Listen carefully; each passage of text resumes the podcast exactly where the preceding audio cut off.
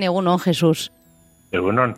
Beno, entzun dugu azalpena, Euskal Herriko sei herrik amiantoaren eraginez eh, hildakoen kopuru handienak pilatzen dituzte. Sorpresa, zartu duzue datua edo bazen uten susmoa?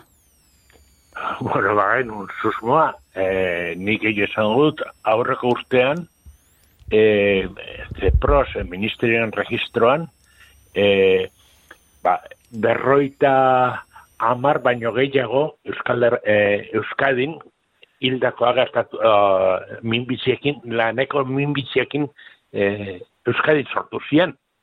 Orduan, eh, eh, gauz bada, guk eh, beste leku batzutan baino gehiago lan egitea pixka bat hau azaleratzen, baino noski hemen jende asko kutsatu da, eta nik ezin dut ahaztu, zema jende urt, e, laro eta amarkada horietan hemen lanean jardun siderurgia nabalean abar, eta bere herrita joan zien gero, rekonversioen ondoren, eta horiek xili-xilean gelditzen dira.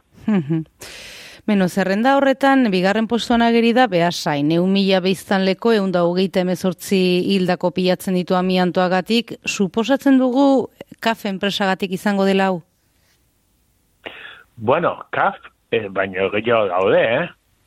Hor baseon, bai, fundiziones etxegarria laskaon, eh, gero baseon, eh, beste emakume bate mesotelio makinildakua bateriak egite zituen enpresa bat, eh, hemen enpresa hundik eta txikik asko eondu dira, neiz kaf, eh, ba, premio guzik eraman.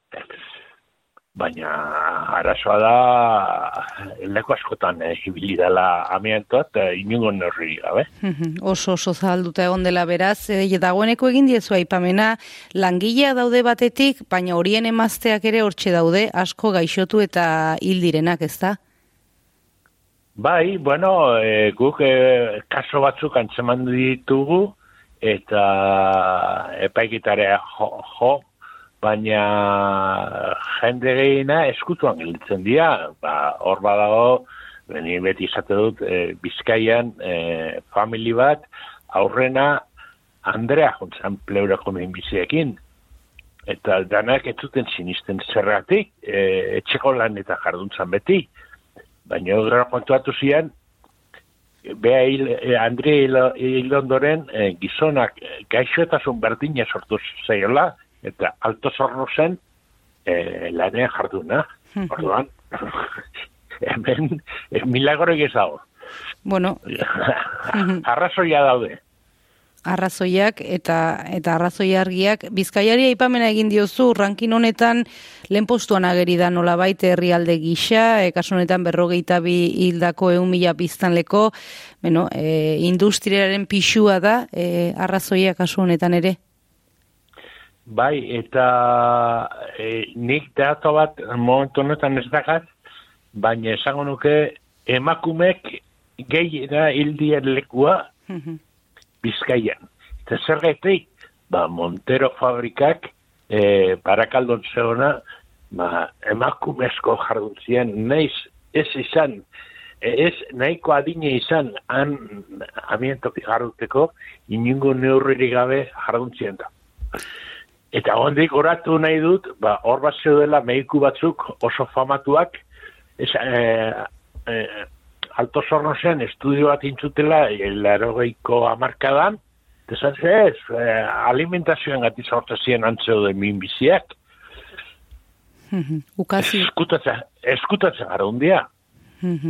Eskutupean, e, isilpean, e, ukazio bat, beraz, amiantoaren inguruan hitz egiten dugunean, e, apur bat e, gaur egunera etorrita edo, 2000 batetik debekatuta dago Europa mailan amiantoa duen materialarekin lan egitea, baina oraindik ere arrastoa e, sakona da gure industrian, ez da, zergatik ez da gehiago aurreratzen? Bueno, ba, jende askorentzako da, nola momentuz ez duen ezarraiten, itxuraz, e, epel e, luze batea sortzen duen e, kalteak eta gaixotasunak, ba orduan ba, jola bekeri handila dago, eta batez ere instituzioetan. Orduan, e, guk aspaldi izan dugu, eta estudio eta administrazioan e, erabakia bat daude, ba, berroi urte ondoren materialoiek deseiten nahi diela. Piskenaka, piskenaka, eta hautza libratzen. Eta azken finean, e, orain arte, langile batzu jardun balde imagea, amiantokin da kutsatu balde imagea, orain arriskua dago gizartea, inguru giroan, e, eta horri heldu bertzaioa, gaina Europan kompromisoak, e, Euro, Europako parlamentuan kompromisoak emengo alderdik hartu itxuste, baina gero ez dut ikusten.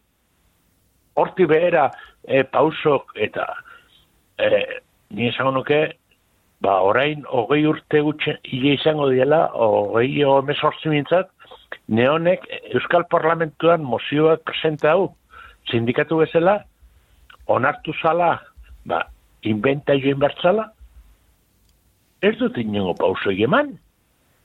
Gero hasi zian borrokan, zenek, e, zen itokat zaion, eta nik gut, e, gutxinez, ba, nire herrian, hernani izan dudala gutxitako bat, ba, zerbait indutena, estudio bat, maila horretan, ez, baina, hmm. jendezko, oendik, ez du inongo neurrik hartu, eta o, nik askotezatuk, pasa ezagun muga, iparraldea, eta oso desbarreina da, hango kultura, hango neurrik amientoakin, eta etxe bat saldu erosteko inventario bat lehendik behartu. Hemen ez da horrelakorik. Eta urte luzetan luzatzen ari den egoera da, e, azaltzen ari zaren moduan, amiantoa, e, egon badago gure herrietan, kaleetan? Bera, aurreko hastian deitu ziaten, hemen herrin, erranin, eskola profesionalen obra nahi dia.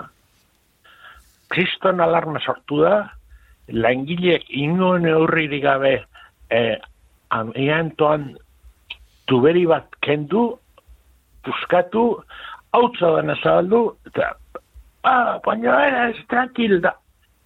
Kriston alarma zion, ikasle eta maixoen artean, hoi askotan gertatzen da. Eta nik, eunetik eune ikusten ditut, gaixotasunak. E gaixotasun asko. Eta beste asko, ba, ez dakitenak, baina e, amientoa askotan ikusten ditu, mendia jonda, bide bazarren botata, eta ez dago kastio horrek oite dunan zago. Norena da erantzunkizuna, lehen esan duzu ajolaga bekeri handia dagoela uzi honetan, berezik instituzioak aipatu dituzu, hor jarri behar da fokua? Bai, e, guretzako, e, bueno, e, guk mozioa presentatu ditu udaletxetan, udaletxe kompromiso hartu behar dute, ba, ja, oen daudenak zaila izango da, baina datorrenak maietzetik aurrea e, e, gai honi el, eldu inberdiote, batetik, betirako arazoi ikentzeko, eta besteletik, ba, bestiaz, e, e, ondo gestionatu orko e, residu horiek, e, e, porque azkeneko, e, zemailekutan nahi bien egiten, e, plastikoak intapatu eta hor konpon urrungo generazioa entzago, e, hori da, desagertzen orduan, heldu inbertzaio arrazori oso askar eta serioki. Ea ba, ea egiten duten, e, Jesus, e, bitartean aipamen bat, e, zuagurtu aurretik, biktimentzat funtsa eratu zen, eskaerak egiteko epea okerrez bagaude pasatzen, beno, e, nola dago kontu hau?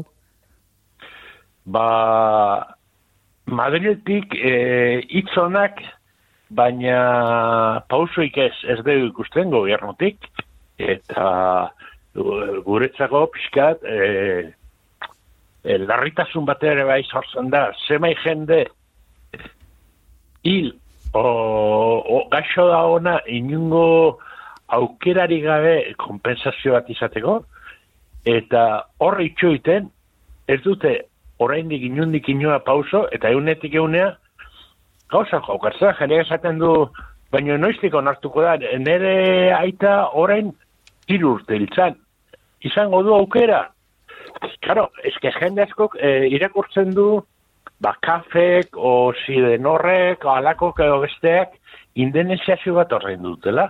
Ja, jende ez da konturatzen zema jende dagon, ezer e, familiar bat galdu, eta ingo kalte ordaini jaso gabe, eta gaina larriena, ba, askotan, eta guk e, salatzeagoaz, e, incluso bai osakidetzat araztekoa, e, gu zita bat eskatu den duen maila horretan, e, aztertzeko zergatik mediku ez duten parte ematen, eta oraindik kaso egin gabe. Gaude, hilabetek eta hilabete pasandoren. Bueno, ba, puntu honetan gaude, eskerrak asbia mie bezalako elkarteek, zu bezalako lagunek apur bat e, salaketa hau e, zabaltzen duzuen. Jesus, uzko duen eskarrik asko, besarkada bat, beste bat arte. Mi esker, zueri.